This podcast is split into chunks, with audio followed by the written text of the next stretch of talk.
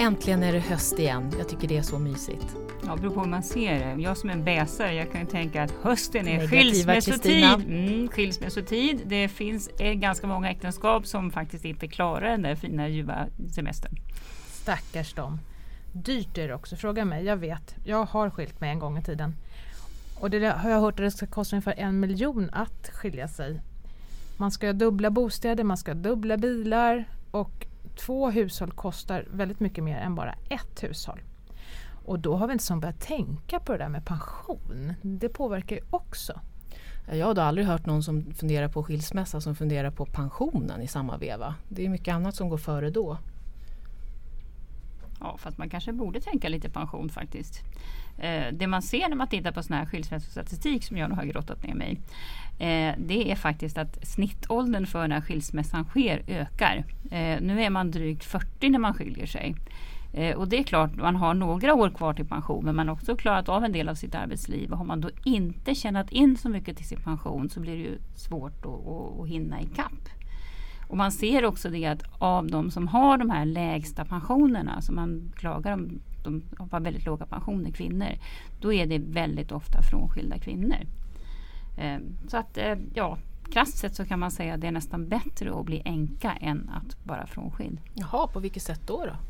Ja, dels som änka så kanske också har, har ärvt din man och din mans tillgångar. Även om man naturligtvis man kan ju bli, få tillgångar när man, när man separerar också. Men då ärver man ju så att säga he, allt från gubben. Eh, och sen är det också så att det finns en del skydd i pensionerna som man kan teckna själv. Då, återbetalningsskyddet inte minst som man ju får, får om man, om man så att säga överlever sin make men inte om man skiljer sig. Mm. Skilsmässorna kanske har eh, kommit upp senare i åldrarna eftersom man gifte sig för barn senare. Men tyvärr är det ju så att olyckor och sjukdomar de kan ju inträffa när som helst och man kan ju faktiskt dö även som ung.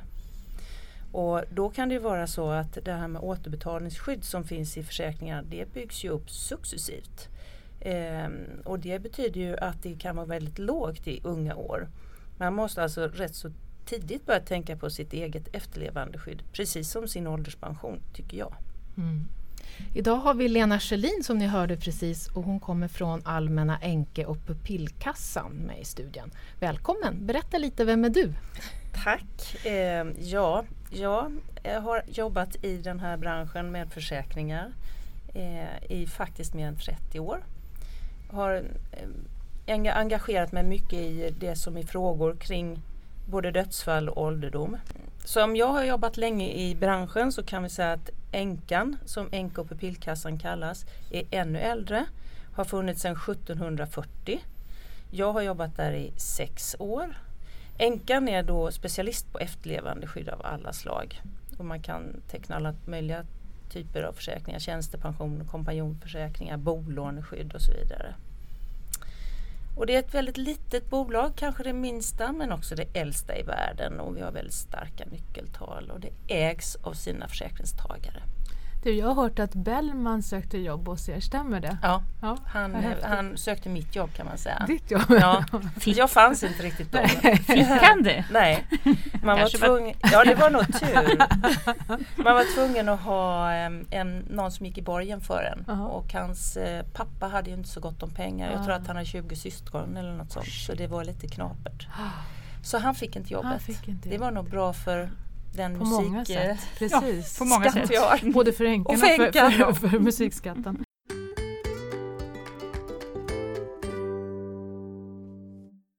Idag ska vi prata om vad som händer med pensionen om du blir själv, antingen via skilsmässa eller genom dödsfall. Om vi börjar med skilsmässa, hur vanligt är det egentligen att vi skiljer oss? Man hör ju det här, 50% går i stöpet. Ja, men det stämmer ganska bra det. Eh, enligt Statistiska centralbyrån som alltså även håller koll på hur ofta vi skiljer oss och inte så är det ungefär 24 000 par som skilde sig för, förra året och det var det dubbla som gifte sig. Så att jag menar mellan tummen och pekfingret, hälften spricker. Och då hade det ändå gått ner lite från året innan. Mm. Eh, och samtidigt kan man säga att, att eh, om man nu jämför med på 70-talet, alltså det har ju hänt en del. Eh, det är också så att Alltså man kan säga både bra och dåligt med skilsmässor. På 70-talet så var det nog många kvinnor, framförallt kvinnor som kanske inte ens hade en chans att skilja sig fast man aldrig så gärna ville. Dels hade man inte ett jobb som gjorde att man hade ekonomi och sen var det lagstiftningen såg helt annorlunda ut också. Det var, det var mycket böcker och samhällssynen var naturligtvis annorlunda också. Det var liksom inte fint att skilja sig. Så nu har det blivit lättare att skilja sig men eh, som sagt det är ingen riktigt kanske som har tänkt på pensionen också. Men hur påverkar då skilsmässan min pension egentligen? Ja, egentligen kan man säga att det är ju inte skilsmässan i sig utan det är, jag skulle säga så här, man kanske ska i alla fall eh, inte precis på bröllopsdagen kanske man behöver tänka på skilsmässa. Men det är nog inte så dumt att ändå ha, ha det där i huvudet eh, där man, när man har gift sig. Att det, det planera för att det kan ändå sluta i skilsmässa. Om nu chansen, risken är 50 procent så kanske man ändå ska ägna den en tanke. Så det menar att man ska tänka på det alltså innan man gifter sig att det kan bli en skilsmässa? Ja, det låter lite dystert men ja. Mm. man ska väl planera för sitt eget liv och ta ansvar för det. Ja. ja. Men hur påverkas då egentligen pensionen konkret vid skilsmässa? Alltså delar jag den pensionen som jag har tjänat in med min man när vi skiljer oss? Eller vad är det som konkret liksom, mm. du menar händer då? Ja, det som händer är att den, den, pension jag har tjänat in, både den allmänna pensionen och tjänstepensionen, det behåller ju jag. Det är liksom mina pengar. Jag har ju dessutom inte börjat ta ut dem. Eh, och det kan ju också vara så att eh, någon av oss har gett bort premiepensionen till varandra. Eh, för det kan man ju göra. Man kan ge bort den här lilla premiepensionen. Eh, och det får man också behålla även vid skilsmässa. Däremot så får man ju inga nya pengar utan man får behålla det man har tjänat in där. Eh, så där är det lugnt. Men, men, privata pensionsförsäkringar och sånt, om man så att säga har, har, sparat åt varandra för att någon har jobbat lite mindre eller så. Det ska normalt sett delas vid en bodelning om man inte har begärt att få äktenskapsförord så att pengarna är mina. Men ska man gifta sig då eller inte? Är det smartare att vara sambo? Alltså, jag tycker man ska gifta sig om man vill och gifta sig om man inte vill. Det är klart att det är så, men, men, men man ska vara medveten om effekterna. Man ska, man, jag tycker man kan faktiskt diskutera och tänka igenom det här med varandra mer än vad man gör idag. Ja, de äktenskap som inte slutar i skilsmässa slutar då tyvärr i dödsfall. Så är det ju. Mm. Och hur blir det då? Du sa ju förut Kristina att änkor klarar sig bättre, eller änkemän klarar sig bättre än, äh, än sådana som skiljer sig. Vad tycker du Vad säger du Lena? Mm. Alltså, jag, jag mm. håller ju inte med dig då att man inte ska gifta sig för det tycker jag är ett väldigt bra och eh, beprövat avtal. Eh, man vet vad som händer om det finns liksom regler för ja, ifall man dör eller eh, om man vill skiljas av annat slag. Då finns det en metod för hur man delar upp bohag och så vidare. När man är sambo så man ärver inte varandra. Det är den första delen men det är också så man har ju, man har ju då bestämt sig för att var och en klarar sig själv. Det är det viktiga, tycker jag. Men eh, man kan väl säga att om man är gift så, så eh, då är det ju ändå så att många av de tjänstepensioner som finns till exempel eh, de har i alla fall dödsfallsskydd som, som kan finnas eh, till just eh, man, man behöver vara gift. Det, finns, det är inte alla som faktiskt tillåter att man är sambo. Det måste man kontrollera så att man vet vad det är för försäkring man har. Mm. Och det är alltså tjänstepensionen? Det är tjänstepensionen. Ja. Sen finns det ju det som är från den, det allmänna systemet. Det är ju omställningspension. Tidigare var ju det änkepension och då var det ju till kvinnor som blev eh, efterlevande. Eh, de fick en väldigt bra eh, pension kan man väl säga. Efterlevande skydd under, väldigt, under så länge de levde eller tills de gifte sig. Men sen 1990 så kom ju det här med omställningspension istället då som över en natt. Det var väldigt många som gifte sig 1989 för att få omfattas av de gamla reglerna. Men får de fortfarande änkepension eller hur funkar det med det? Ja, de mm. får fortfarande änkepension. Alltså de personer som omfattades av det här gamla regelverket, de, de, de har fortfarande de möjligheterna. Men som sagt, det, det, som är fördelen med den nya omställningspensionen det är ju att det faktiskt också omfattar män. Sen kan jag ju känna då att tittar man på hur samhället ser ut, både vad det gäller inkomst och vem som är mest hemma med barnen och så vidare, så är det oftast kvinnorna som är det. Så de är ofta sämre skyddade än vad männen är. Har, sämre, har lägre inkomst helt enkelt. Mm. Men i tjänstepensionen kan det finnas återbetalningsskydd. Det är ju många bolag som erbjuder det. Jag är ju då tveksam till det därför att jag tycker att det kostar ganska mycket att teckna en sådan försäkring. Och eh, det är egentligen för själva kapitalet i försäkringen som man försäkrar, inte personen. Och jag tycker man ska tänka istället, vad vill jag att mina efterlevande ska ha när jag dör? För alla dör, det är det enda vi säkert vet. Och sen är det bara frågan om när det sker. Så tänk efter före, det tycker jag är en bra regel. Men du tycker alltså att det här med återbetalningsskyddet ska man fundera ett varv extra på? Om Ja. man ska ha eller inte? Mm. Ja, jag tycker det att man ska... Det Även i kostar- unga år? Det kan kosta 5% av din ålderspension. Det låter inte så mycket men med räntor på ränta, Mm. ränta på ränta så kan det ändå bli mycket pengar som du faktiskt går miste om. Mm. Och sen är det ju faktiskt så att i början av, försä- av försäkringstiden om man säger så, då kan det vara väldigt låga belopp för det har ju, du har inte hunnit spara in så mycket. Så att eh, det, och det är kanske då man behöver ett antal hundratusen eller miljon om du har en lägenhet eller som du har köpt eh, centralt i en stad till exempel eller en hu- ett hus eller någonting. Då är det också väldigt bra att ha eh, så att du får möjlighet att låsa ut lånet. Mm. Typ som en bolåneförsäkring eller så. Mm. Det är bättre att teckna sådana så, och ta bort återbetalningsskyddet? Ja det tycker jag att det är. Ja. Där kan man vara egoistisk, särskilt som kvinna tycker Ja. jag då eftersom man ofta är mer hemma med barn och har sämre pension. Men jag, jag har hört att det är särkulls, har man särkullsbarn så ska man inte ha sådana här bolåneskydd. Det har du alldeles rätt i men då är det den via banken. Mm. För då är det ju banken som är, som är förmånstagare men du kan ju skaffa en bolåneförsäkring. Och den bestämmer du ju själv eftersom det är en kapitalförsäkring vem som ska få. Så då ser man ju till att det är familjen istället som får den. Och du har då råd att låsa, lösa ut det lån som du har. Okej, vi får ta tipslistan sen för Ja. det här är ju mycket att hålla reda på. Ja, Eh, men, men du säger egentligen att man ska, det finns andra varianter än återbetalningsskydd men man kanske ändå ska ha någon typ av skydd. Ja det tycker jag ju definitivt för att mm, ingen av oss vet ju när vi ska dö. Vi vet bara att vi ska dö och då kan man ju planera för det, bästa, för det värsta och så hoppas på det bästa.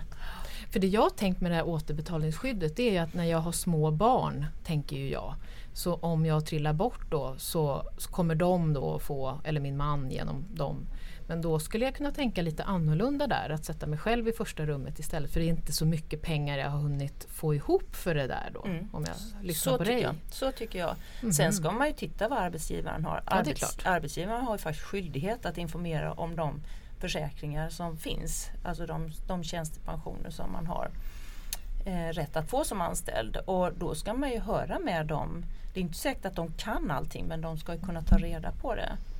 Och där finns ju oftast tjänstegrupplivförsäkringar. Det är inte jättestora belopp men man måste ju ändå se, är det rätt förmånstagare? Mm. Får rätt personer det? Och inte skriva in namn. För rätt som det är så byter man sambo och då är det den gamla sambon som får eh, Det är sant, det ska man beloppet. hålla koll på Det ska också. man verkligen. Fast i en del bolag då sköts det per automatik att det är den nya sambon som får pengarna. Men då kan det också vara så att man kanske egentligen vill ge pengarna till den gamla sambon för det är, den som, det är hon som har fostrat barnen och allt sådär, hon eller han.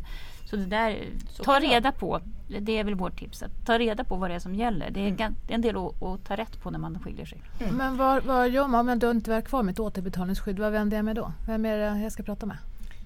Jag frågar du mig så är det till försäkringsbolagen för Mm. de är ju bäst på riskförsäkringar. Banker är ju intresserade mer av sparande av naturliga skäl och har mycket bra kunskap om det. Men försäkringsbolagen ska ju ha bäst kompetens på, på ja, riskförsäkringar som dödsfallsförsäkringar. Just det, om jag vill teckna någon sån. Ja. Men jag tänkte om jag, vill, om jag vill ta bort åter, då är det kanske valcentralen? det är eller? antingen det valcentralen eller, eller eh, det bolag där du har pengarna. Just det. Du Och kan- vet du inte det så fråga din arbetsgivare. Ja. De vet. Eller också går du in på min pension och tittar, går du har dina pengar? Man kan ju börja där. Det kan man göra. Precis. Det här vart ju väldigt mycket information känner jag nu. Nu måste vi summera det här. Vad, vad, jag- jag fick lära mig massa nytt. Vad säger ni, Kristina och Lena? Har vi några bra tips? Ska vi börja med om man skiljer sig? Vad är våra tips då? Nej, men jag tänkte på det här med äh, någonting som jag verkligen vill att ni tar upp. Det var Mm. det där som ni sa om, om den här inbakade eh, garantin i huslåne i bankernas huslåne... Låne, Bolåneskydd. Bolåneskyddet ja. Om man har särkullebarn. Mm. Hur, vad sa ni om det? Blir det... Det är ju banken som är förmånstagare. Ja. Så att om det är så att det finns eh, om man inte är gift till exempel, då ärver man ju inte varandra. Nej. Och eh, om det då är så att man dör, då kommer ju eh, lånet ändå delas på de två tidigare delägarna. Och om det då är så att, att det finns ett bolåneskydd, då ökar ju skulden så att säga. Det blir dyrare för den som blir kvar att köpa ut den andra delen. För det blir ett högre värde. Just det. Så att jag tycker att man ska ha ett eget, en egen försäkring helt enkelt. Man ska kolla upp det. Det finns tjänstegrupplivförsäkringar, inte så dyra. Det kan man gott betala tycker jag. Eh, inte minst sjuk och olycksfall, om man nu får inflika det. För det är ju ändå vanligare att man blir än, än att man faktiskt dör. Men det, katastrofen är större om man dör. Och då, kan man, då får man betala för det värsta så att säga.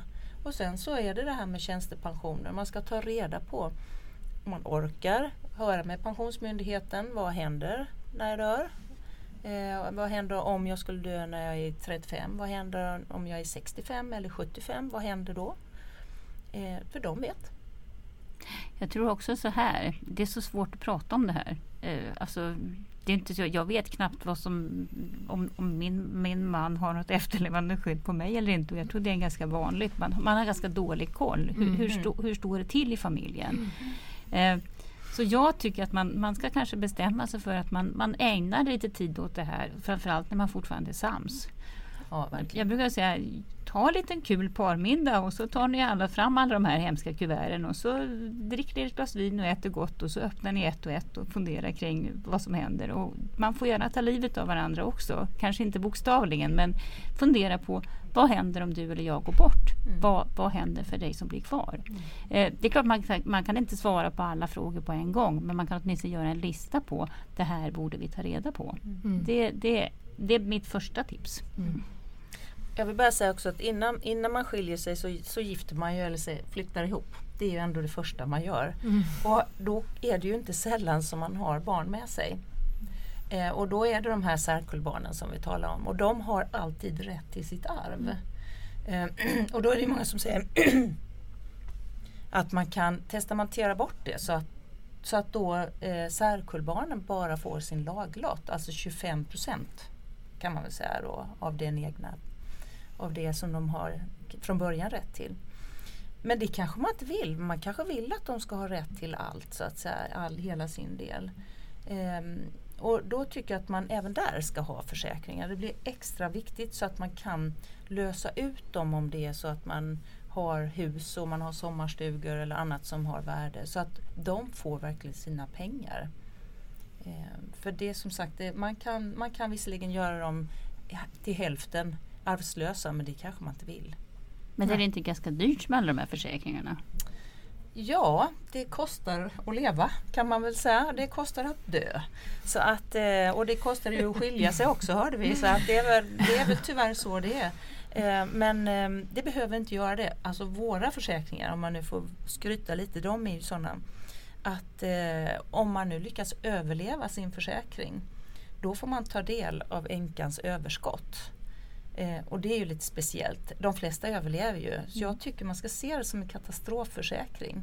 Det är så man kan känna tycker jag. Då, då är det det man behöver ha för att Och vara sen- trygg. Och sen har du också gruppliv, att Ja. det finns olika gruppförsäkringar som inte behöver vara så dyra Mm. faktiskt genom jobbet eller facket. Eller Mm, precis. Åtminstone så länge du har jobbet kvar. Ja, men man kanske byter. Ja. Ja. Eh, eller blir pensionär.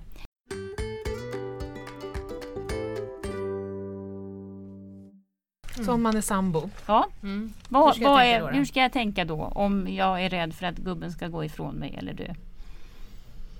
Rent allmänt så kan man väl ha, om man är sambo så får man ju skriva testamente, det är väl det första Mm. man ska göra.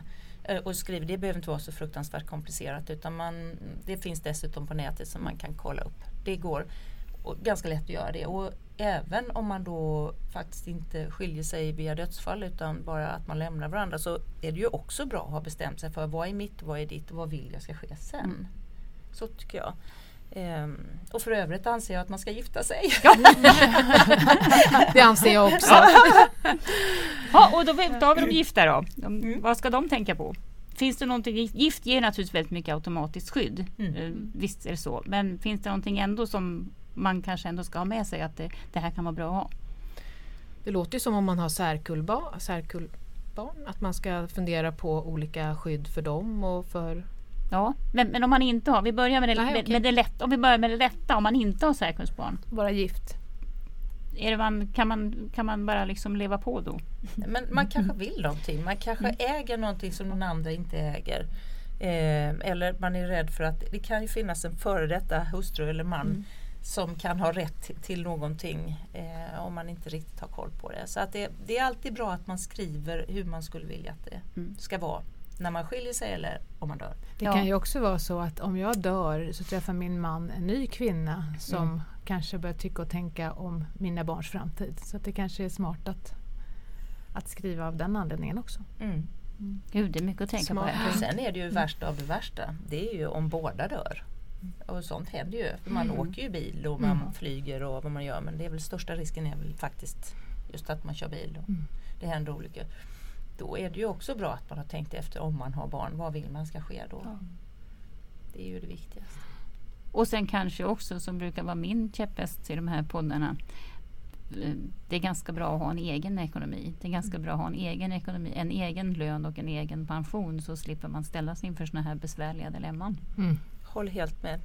Och där kommer väl din middag också, om man ändå sitter och pratar om hur man vill ha det sen så kan man prata om sin ekonomi i stort så som jag också har berättat om att jag och min man sitter och Mm. ser vad har vi för utgifter och vad har vi för några. Det är ju rätt konstigt att man ofta har mycket bättre koll på företaget där man jobbar, den ekonomin, än sin egen. Ja, Budget och uppföljningar och eller så. Mm. Här får vi bli bättre. Mm. Ja, verkligen.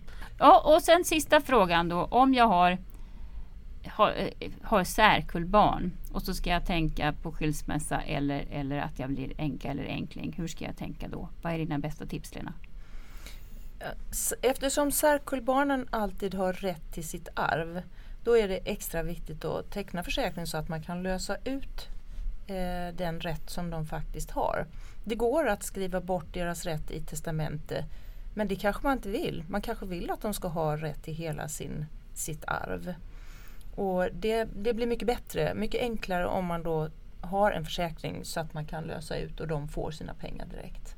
Det är bara gemensamma barn som får vänta på sitt arv men som sagt särkullbarn har rätt att få det direkt. Och det är egentligen mest vid dödsfall. Med, med en skilsmässa så spelar det mindre roll. Precis. Och de här försäkringarna då? Var, var, var fixar jag dem? Nu får du inte vara part i målet Ja, och det är jag ju. Eftersom jag jobbar på världens bästa bolag. Får inte klippas. Nej, just det. Eh, nej. nej men om lite allvar då. Man, jag tycker att man ska gå till de som kan. Och försäkringsbolagen de är bra på, på dödsfallsförsäkringar och försäkringar, riskförsäkringar som vi säger i branschen då. Och om jag är lite om och kring det, då naturligtvis tar jag kontakt med flera olika försäkringsbolag Ja. och så jag jämför jag priser och villkor. Och sen tycker jag att man ska ta kontakt med, med arbetsgivaren om man undrar. För de, har, de flesta av oss har tjänstepension. Och ibland ingår det dödsfallsförsäkringar, ibland inte. Och då är det bra att veta vad som gäller för mig. Eh, och sen den allmänna försäkringen kan man ju naturligtvis gå in på, på webben och titta vad som står där. Eh, på omställningsförsäkring, då ser man vilket regelverk som gäller. Men annars ring Pensionsmyndigheten, de vet. bli nyfiken på din ekonomi. Och på din död.